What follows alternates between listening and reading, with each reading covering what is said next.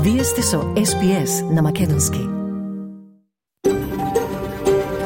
SBS, a world of difference. You're with SBS Macedonian on mobile, online, and on radio. Вие сте со SPS на Македонски на мобилен, преку интернет и на радио.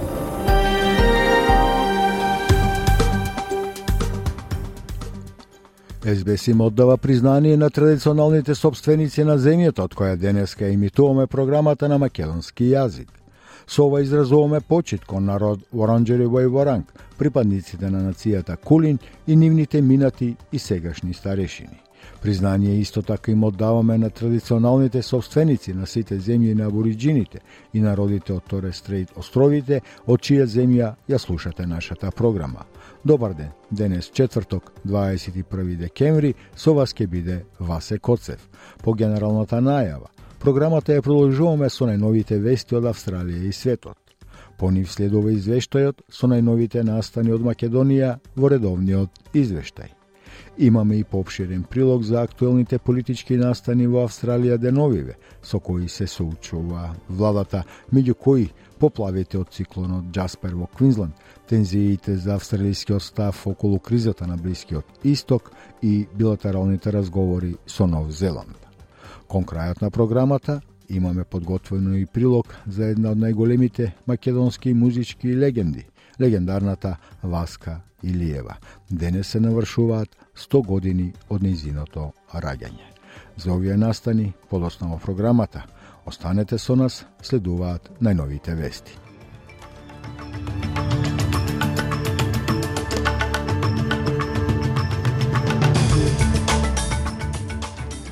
Од денешниот билтен вести издвојуваме.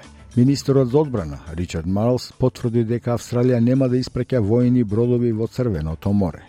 Повик за итна транспортна реформа по смртта на уште еден доставувач. Лидерска средба за техничка влада во Македонија ќе има по утврдување на кандидатите за министри и заменици министри.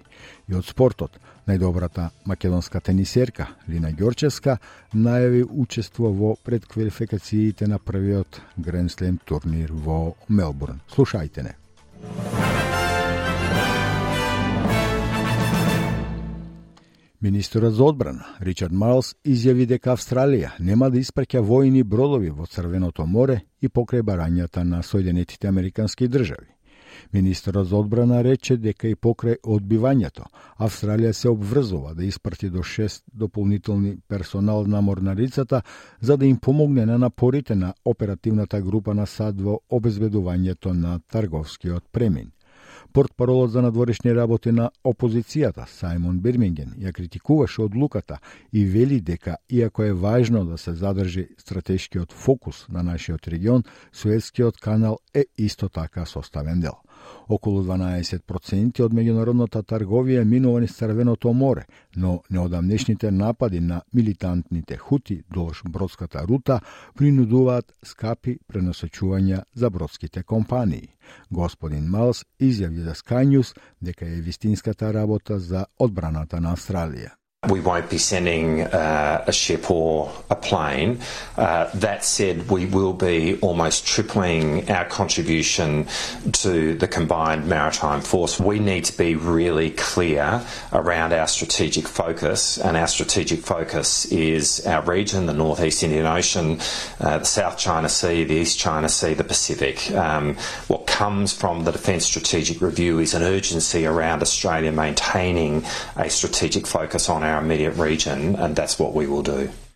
Лидерот на Хамас пристигна во Египет на разговори за можен втор договор за заложниците, бидејќи гласањето во Њујорк за резолуцијата на Обединетите нации со која се повикува на полог преки на огнот и повеќе испораки на помош беше одложено по трет пат. Канцеларијата за медиуми на владата на Хамас соопшти дека бројот на загинати во Газа надмина 20.000, а меѓу загинатите има 8.000 деца и 6.200 жени. Пристигнувањето во Египет на Исмел Ханија, политички лидер на Хамас со седиште во Катар, се смета за позитивен знак за можно примирие, бидејќи последен пат тој го посети пред првиот договор минатиот месец. Синдикатот на транспортните работници бара од Сенатот да ги усвои спасувачките транспортни реформи по веста за уште еден доставувач убиен на работното место. Смртта на 29 годишната девојка не била пријавена повеќе од една година, а од тогаш уште четворица работници за испорака се убиени на работното место – Податоците добиени од DH откриваат дека во период од 7 години имало 917 повреди на возачи при испорака, од кои околу 70% од нив биле мотоциклисти, а останатите биле велосипедисти. Синдикатот на транспортните работници вели дека отсутството на права на работниците и заштита од раскинување на договорите врши дополнителен притисок врз работниците за испорака да брзаат на работните места и да преземаат повеќе ризици на патот. Националниот секретар на Синдикатот на транспортните работници, Майкл Кейн, вели дека се потребни итни реформи. We've got uh, a gig economy uh, that has come into Australia over the last 10 years. And it has quite deliberately pushed workers outside of the protections that we built up over decades. Protections for workers, protections like the minimum wage, protections like ensuring that you're able to take sick leave, protections like ensuring when things go wrong, you're able to get injury pay, Во далечниот Северен Квинсленд, 1400 домови се оштетени, а 3500 се уште се без струја по големите поплави во регионот. Примерот Ентони Албанезе ќе лета во регионот денес за да ја обиколи зоната на катастрофата со премиерот Стивен Майлс. Екипите за чистење и членовите на заедницата се собраа за да спасат што можат од тропскиот циклон Джаспер – Бирото за метеорологија потврди дека тешките временски услови конечно се ублажиле меѓу Кернс и Ингам. Главниот извршен директор за туризам на Северен Квинсленд, Марк Олсен, изјави за Канал 7 дека е време да се вратат посетителите во далечниот Северен Квинсленд. We've lost about $125 million worth of bookings already, um, and the staff here have been affected. They just want to get back to work. The, the reef fleet is open, our Skyrail is open, all of our attractions are reopening, um, but the visitors aren't here, and we just absolutely need everybody to lean in and, uh, and support us right now. We've been overwhelmed by people around the world and around Australia reaching out to say, How can we help? The one thing you can do, make a booking. If you've got a booking, keep it. Yeah, Come back okay. up to Cairns and the Great Barrier Reef. Либералната сенаторка Джасинта Нампиимпа Прайс го критикуваше премиерот Ентони Албанезе, велејќи дека треба да биде повнимателен со доларите на доношните обврзници. Новите податоци открија дека господин Албанезе потрошил речиси 4 милиони долари на летови во првата година како премиер на меѓународни летови потрошил 346,4 часа, а на домашни летови 374,7 часа. Сенаторката Прайс изјави за Канал 9 дека политичарите имаат одговорност пред јавноста да бидат финансиски одговорни.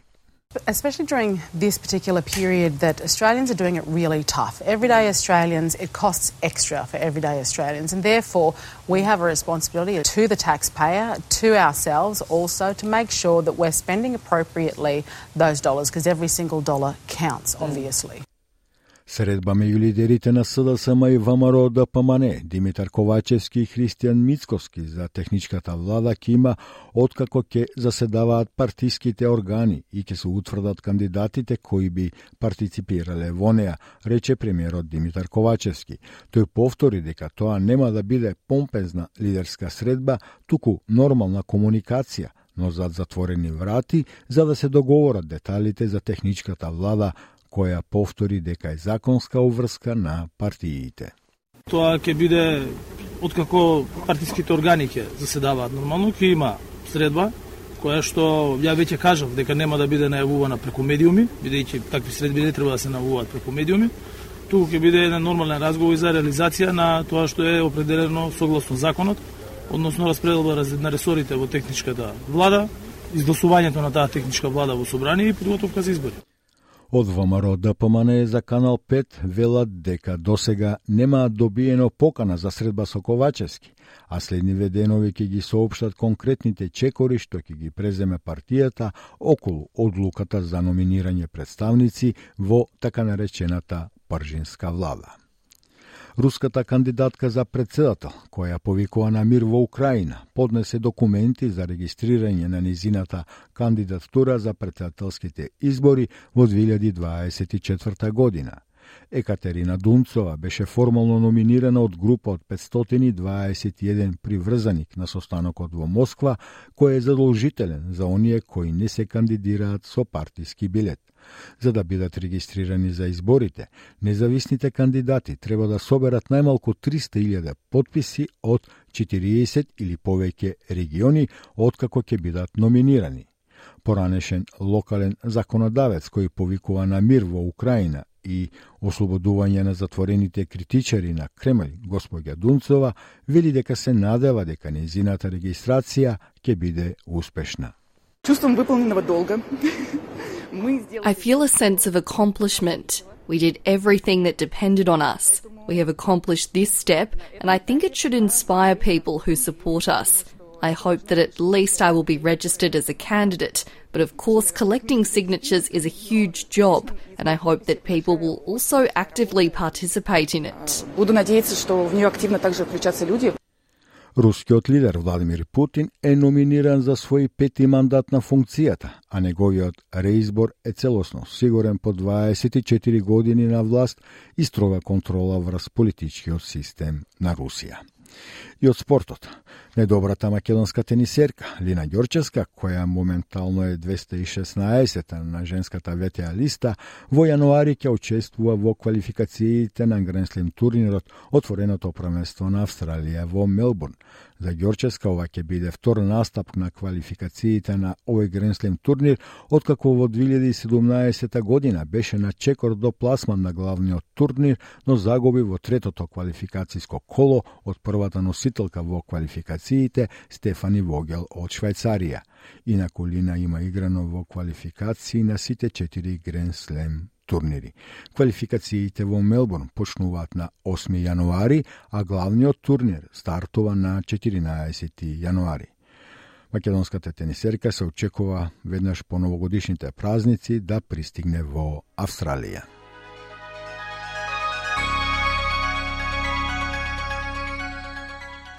А од најновата курсна листа денеска, еден австралиски долар се менува за 0,61 евро, 0,67 американски долари и 37,59 македонски денари, додека еден американски долар се менува за 55,78 македонски денари, а 1 евро за 61,8 македонски денари и временската прогноза за поголемите градови во Австралија утре, петок, 22 декември. Перт, претежно сончево со температура до 32 степени, Аделаид претежно сончево до 27, претежно сончево и во Мелбурн, но со температура до 24 степени. Во Хобарт ќе биде облачно со максимална температура до 19 степени, Камбера делумно облачно до 24, Сиднеј можни врнежи од дожд 24 степени, Бризбен врнежи од дожд до 25, Дарвин можни врнежи од дожд, но можна и бура до 36 степени и во Алес Спрингс сончево со температура до 38 степени.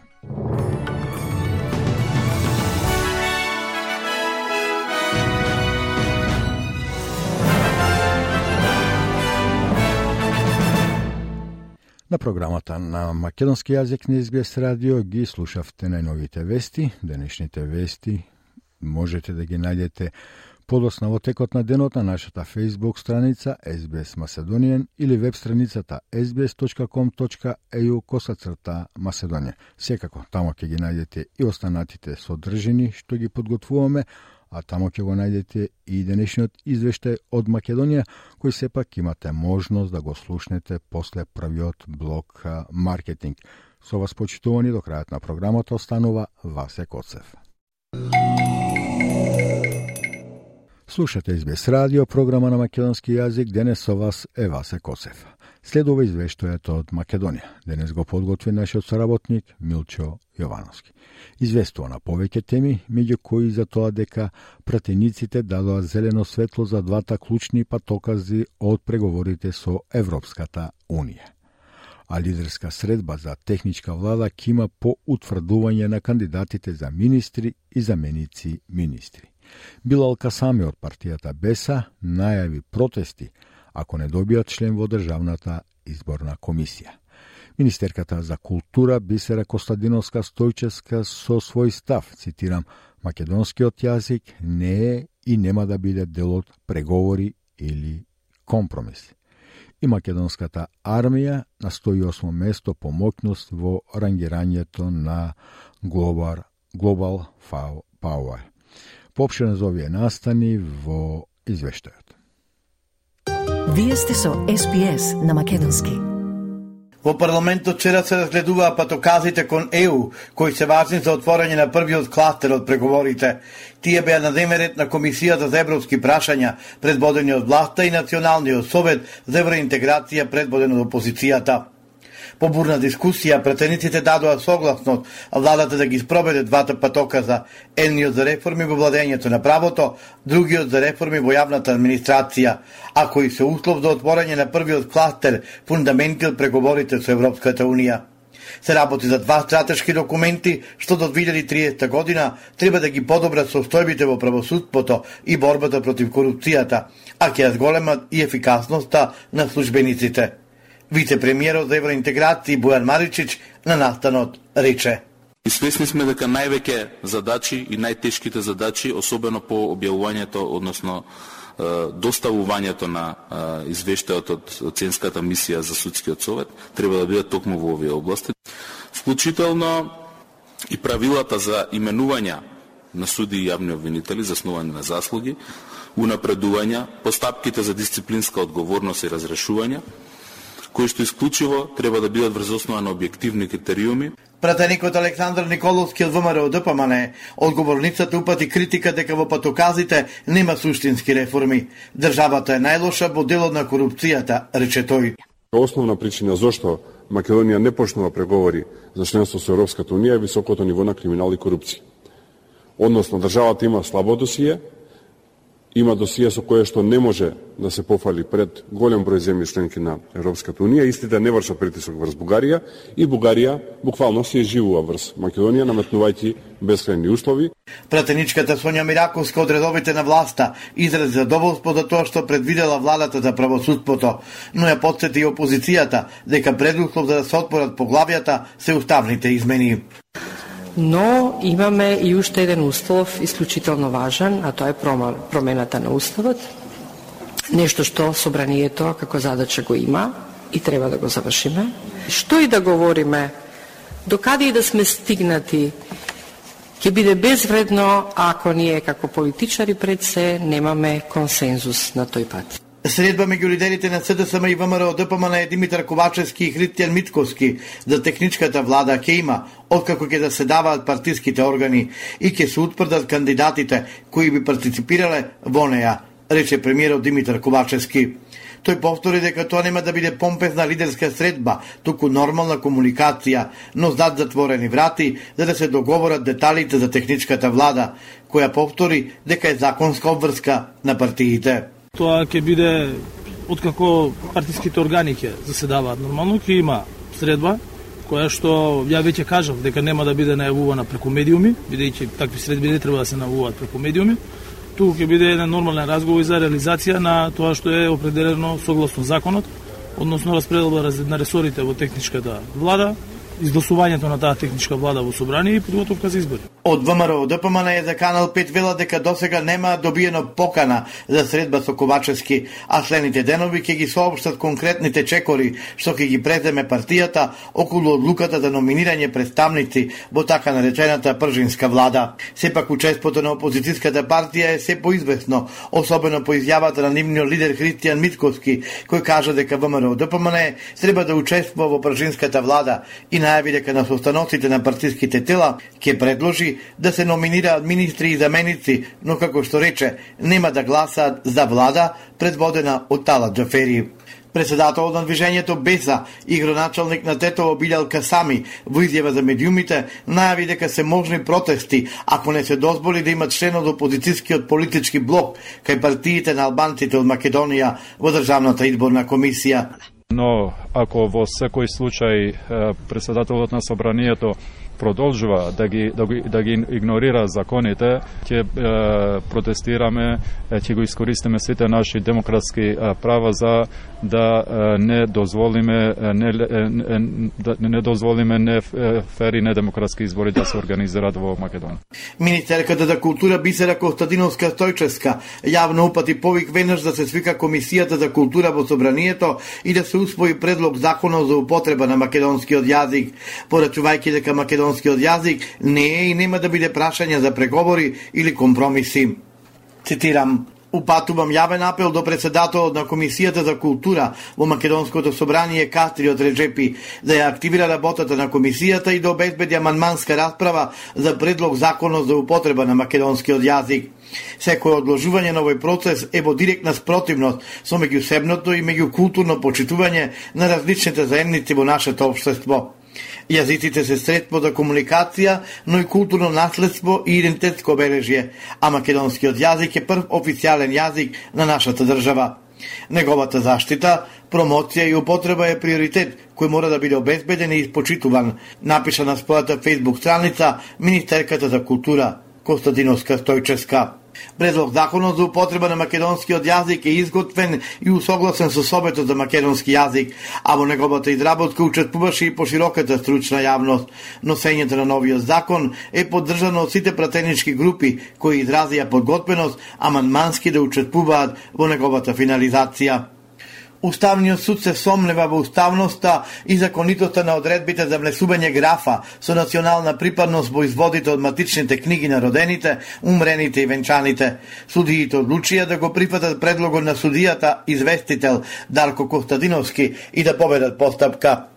Сметаат дека националната припадност е лично чувство, емпириски непроверлив податок и слобода на изразување утврдена со Уставот, а компаративната анализа покажала дека нема држава во која изразувањето националност е задолжително.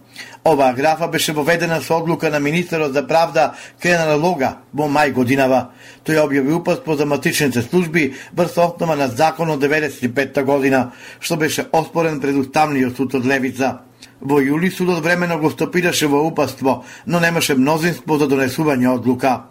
Врховниот суд го одби како неосновано барањето за вонредно преиспитување на правосилната пресуда на основниот кривичен суд Скопје за предметот платеви на вонно, поднесено од осудениот поранешен премиер Никола Гуриевски.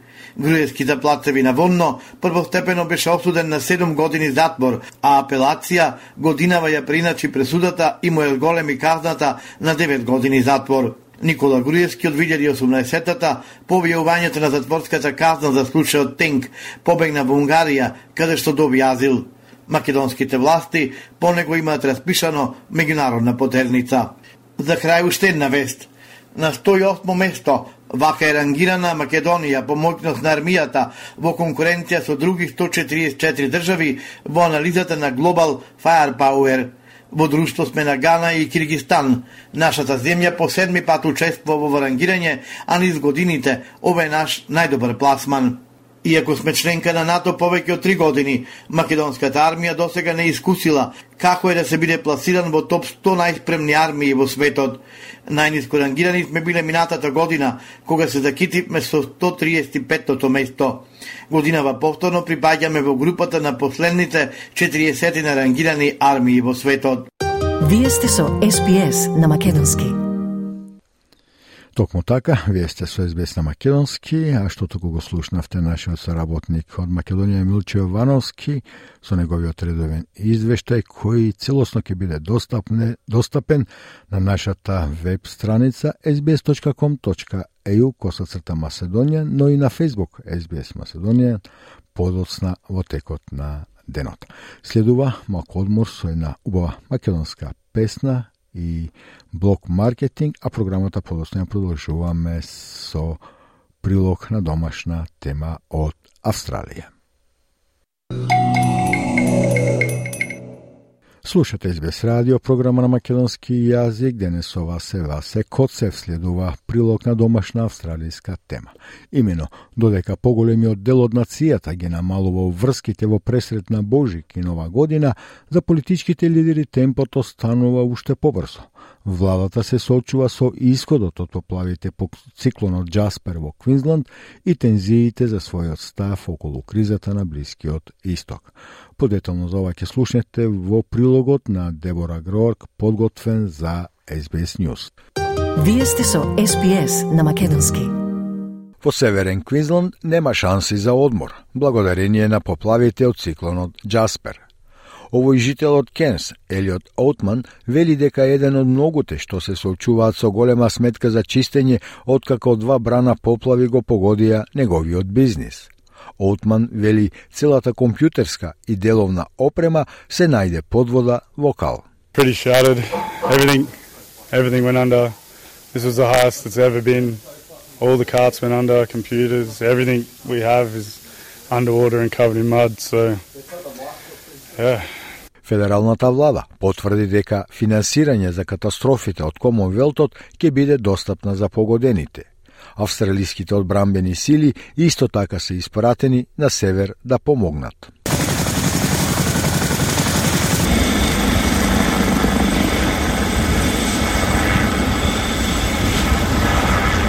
Се дознава дека повеќе од 13.000 луѓе се уште се без струја, а околу 150 војни лица, опрема и 4 авиони на север се распоредени во заедниците.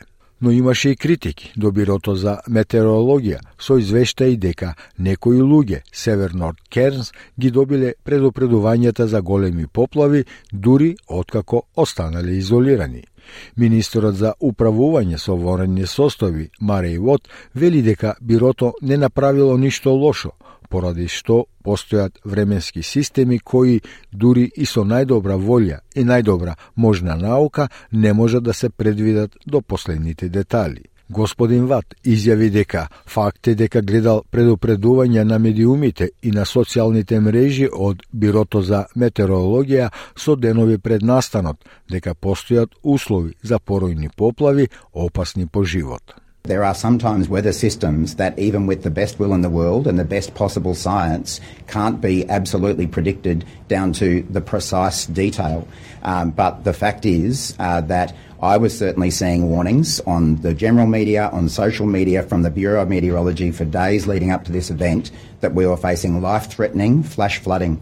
That was there for all people to see.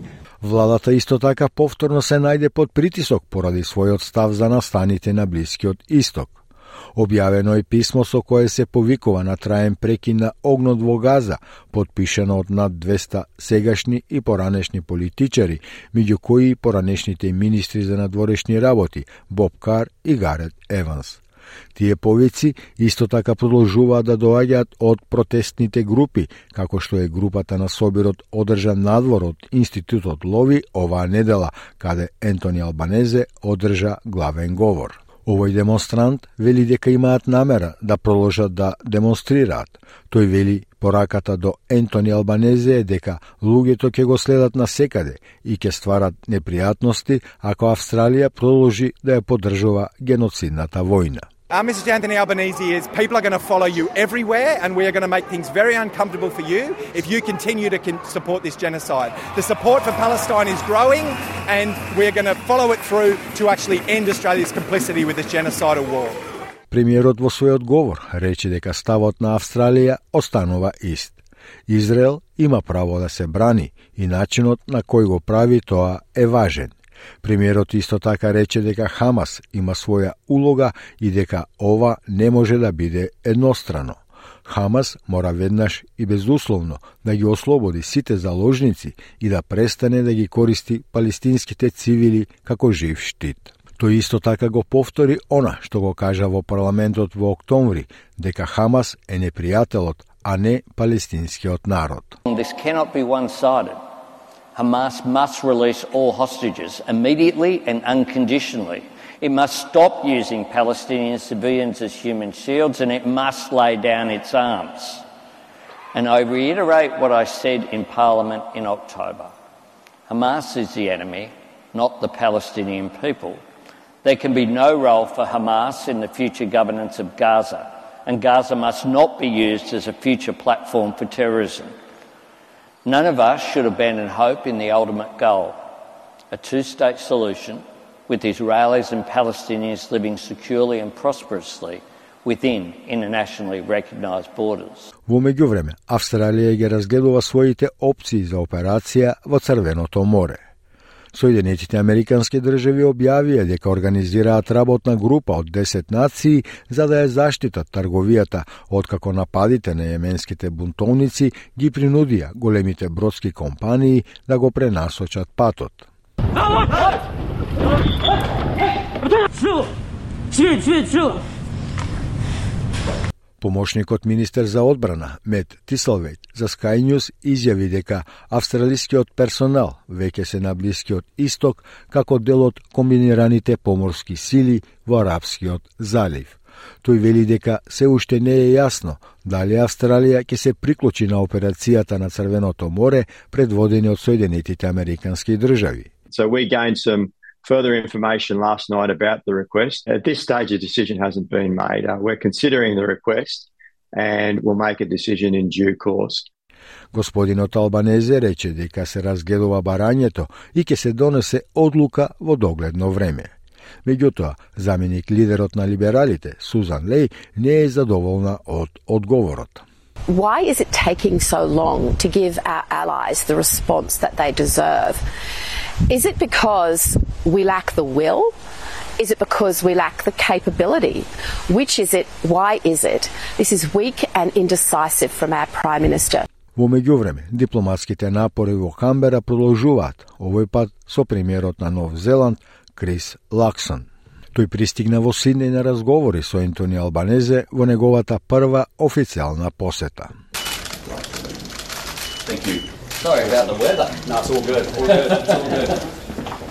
Регионалната безбедност веќе се појави како истакната точка на дискусија.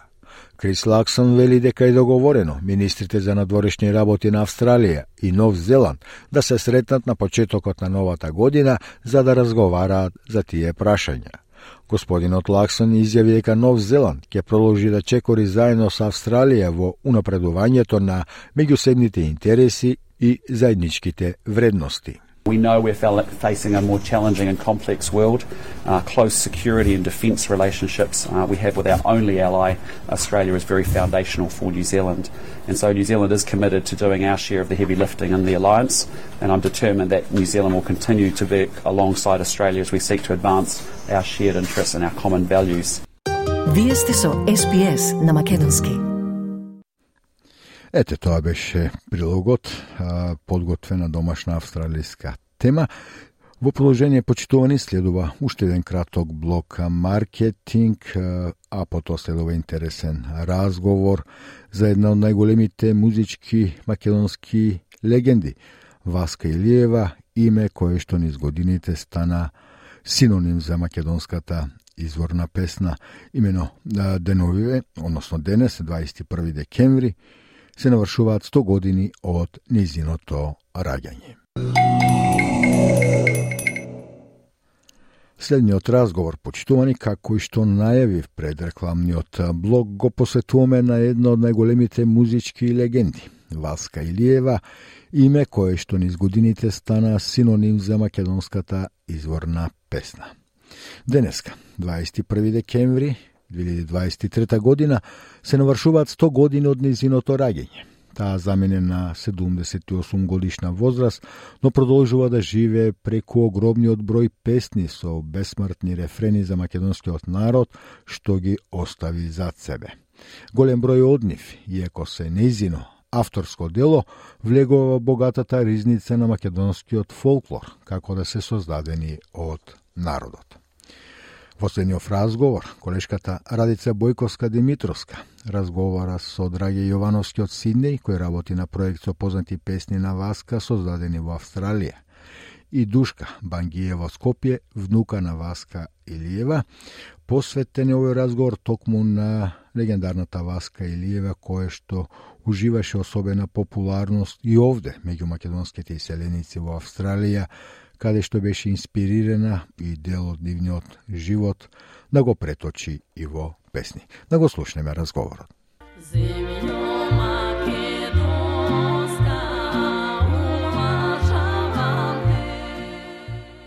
Денеска, 21 декември, се навршуваат 100 години од раѓањето на легендарната Васка Илиева, доајенка на македонската народна изворна песна, име кое што е нераскинлив дел од македонската изворна фолклорна ризница. Васка пееше изворни народни песни, но исто така создаде текст и музика за околу 150 композиции. Пееше од душа и срце, преку неизината изведба на песните со текст за минатото, беше видливо што чувствува за судбината на македонскиот народ. Дури и холандски музиколози ја препознаа незината вредност, нарекувајќи ја легенда на една традиција која носи жив белек на едно време, на еден народ. Стогодишнината од незиното раѓање го одбележуваме во студиово со гостин кој е поклоник на Васка Илиева и кој во чест на годишнината е посветен на специјален проект за музичката легенда. Тоа е Драги Јовановски од Сиднеј. Добар ден, Драги. Добар ден. Но истовремено на линија од Македонија ја имаме и најблиската роднина на Васка, незината внука Душка Бангиева. Душка, добар ден и за вас. Добар ден, добар ден на вас во студиото, добар ден на сите слушатели. Ви благодарам што одвоевте време за овој разговор. Душка и драги, добре дојдовте на СБС на Македонски. Добро ве најдовме. Душка, да почнеме со вас. Неодамна во Скопје македонскиот ансамбл за народни игри и песни Танец во чест на вашата тетка одржа ексклузивна гала вечер на која беа изведени антологиски песни од богатиот репертуар на Васка. Да. Исто така беа Да. прикажани непроценливи документарни материјали од незиниот живот. Може ли накусо да ни кажете за атмосферата на тој настан? А, јас со големо задоволство присуствував на тој концерт кој што се одржа на 9 ноември во Скопје на кој што присуствуваше целиот оркестар од Танец, сите нејзини колеги кои што биле и кои што се нови. Присуствува голем број на слушатели и моето семејство. Тоа беше вечер која не, не, не може да се заборави, ќе остане вечно во моите мисли, затоа што беа изведени песни кои што она ги компонирала, она ги пишувала. Возбудувањето беше многу големо, бидејќи јас сум учествувала во тие ситуации кога она ги пишуваше песните и кога ги изведуваше тие песни. Најмногу ме вознемири моментот кога се емитираше песната Земја Македонска, која е, истата таа песна ја, ја пееше неколку пати во моје присуство на други концерти. Бев е, страшно возбудена, јас еви сега сум возбудена и се извинувам на слушателите што ми ред. препери гласот, тоа се познава. А, но тоа е тоа задоволството беше прекрасно. Вие не знаете што значи народот да скандира, да вика Македонија, да значи тоа не неописива, неописива ситуација. Но она тоа го заслужи затоа што она живееше за народот, го сакаше народот и цел живот го посвети за народот. Она не не знаеше дали треба дали е овој човек од Србија или од Македонија или овие луѓе се од овде од таму. За неа сите луѓе беа потполно еднакви. Така да, бев презадоволна и не знам како да им се одолжам на тие луѓе кои што го направија тој концерт. Значи, такво, такво нешто, нешто јас до сега немам доживеано. Да, разбирлива е вашата возбуда, Душка. Да. да кажеме дека вашата тетка беше родена во Скопје во музичко семејство. Незиниот да. татко Тодор Бошко Велков бил познат да. гајдаджија. А Да. незината музичка кариера да ја има започнато токму во танец, многу млада, каде што набрзо поради незиниот уникатен стил на пеење и многу специфичен глас постигнува огромна популарност брзо не само во Македонија, туку и надвор секаде каде што живеат македонци. Да, да, Таа да, знаеше да. да, да предизвика силни емоции кај македонците каде Да. да запееше, може, можеше да побуди и радост, и носталгија, и тага, и болка. Да, Душка, како да. вие најдобро ја паметите приватно вашата тетка која што остави такво наследство во македонската фолклорна изворна музичка сцена? А, јас да ви кажам дека мојата тетка јас ја знам како ведра, весела, насмеана. Она имаше таква душа, што едноставно со незинијата појава, со незиниот поглед ве плени. Значи едноставно уживате во она што она ќе ви го каже. Уживате во се она што она ќе ви го испее. Значи, таква жена, така весела, таква, значи, насмеана. За цело време, додека зборувате со неа, она едноставно поучува, кажува, а, може во секој момент да, да ви помогне, да, како тетка, како роднија, како се, тоа е нешто неверојатно. Она и да имаше проблеми, кај неа тоа не можеше да се види, затоа што она таква жена си беше, тоа си го чуваше за неа, никој не можеше тоа да го запримети, а сепак, значи, делуваше со сјај. Со сјај делуваше. Значи, сите околу неа бевме среќни, радосни, весели. Кај ќе дојдеше она, имаше песна, имаше смеи, имаше шали, имаше се. Она беше еден столб, буквално столб на нашата фамилија. Кога ќе се речеше Васка доаѓа, ние сите како да кој да знае кој доаѓа. А тоа не е нашата тетка. Тоа не е нашата роднина, сестра, братучетка и така натаму. Значи, таква си беше тетка ми цел живот. Значи вистински стоик жена, да, челична жена. Да. Душка, вашата мајка и Васка беа сестри, родени да, сестри, така? Да, да, да. Они беа три сестри и еден брат. Васка е првата, втора е мајка ми, а трета е Анѓа, таа е најмалата сестра и четвртиот е Трпе, братот на на Васка. Така. Драги, за вас може да се рече дека сте вистински поклоник на делото на Васка Илиева, до таа мера што се зафативте дури и со еден проект за музичката легенда. Но за почеток, кажете ни накусо за незините настапи овде во Австралија. Добив голем интерес ови, ова година баш за, за тетка Васка и почнав да барам бака информации нешто надвор од Македонија. И многу тешко можеше да се дознае се и преку луѓе што ги распрашав и што ја знаеле, таа остае големи печати во Австралија, што мислам дека многу луѓе не го знаат ова. И сакам да ја објаснам.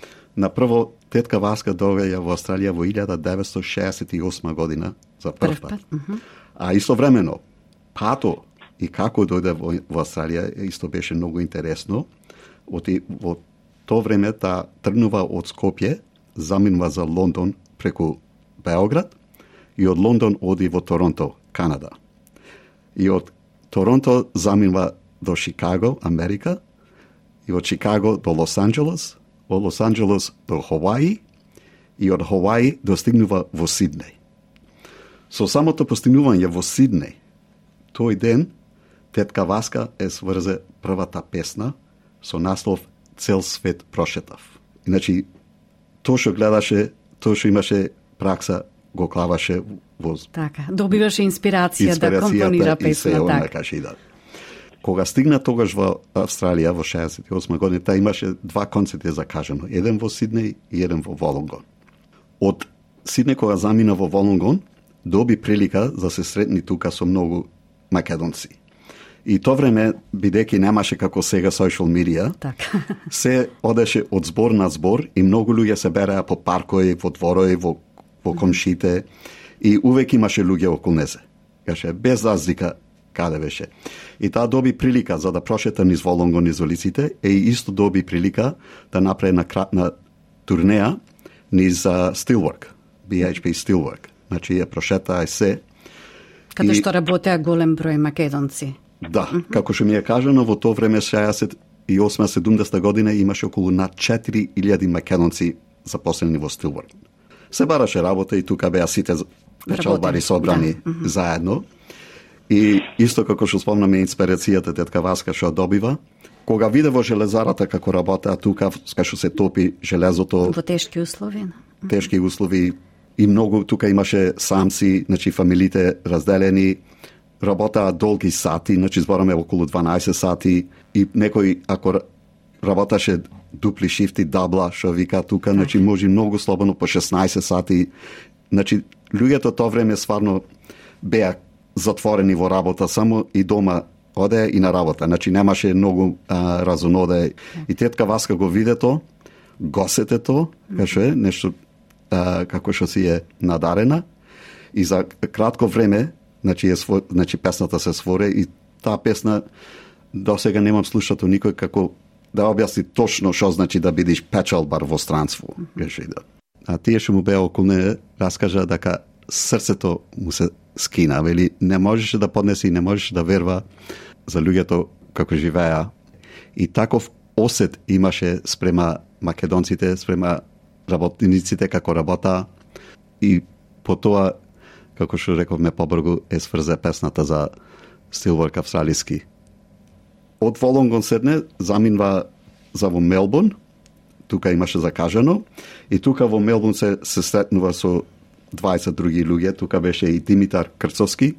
А, Димитар за нас во Австралија како познат Крцо, а, во тоа време живееше во Мелбурн и Бранко Милановиќ беше тука. Со ова друштво за прв пат Васка снима плоча во Австралија.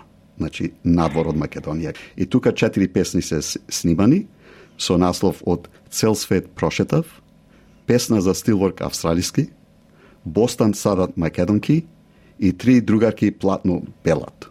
Од овие песни што е интересно, трите песни кога се врате Васка Стари крај, ги преснима, значи се заработаа таму, едино само една песна што не беше преснимана, беше песна за Стилворк. А ова песна, кога ја изваде, кога почна да се продава, толку тежина, жал, испадна, значи македонскиот народ што ни беше тука за Австралија, за Сиднеј и Мелбурн нарочито, многу луѓе и плачеа дури која слушаја ова песна. И плюс некога се разбра за ова песна низ фирмата во Steelwork, излезе збор за ова песна да се забрани и за да не се продава повеќе. Која забрани?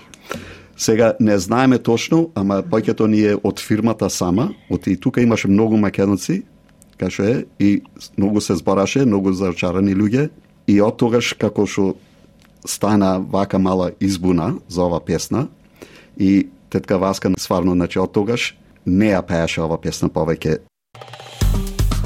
Стиснете, ми се допаѓа, споделете, коментирајте. Следете ја SPS на Македонски на Facebook.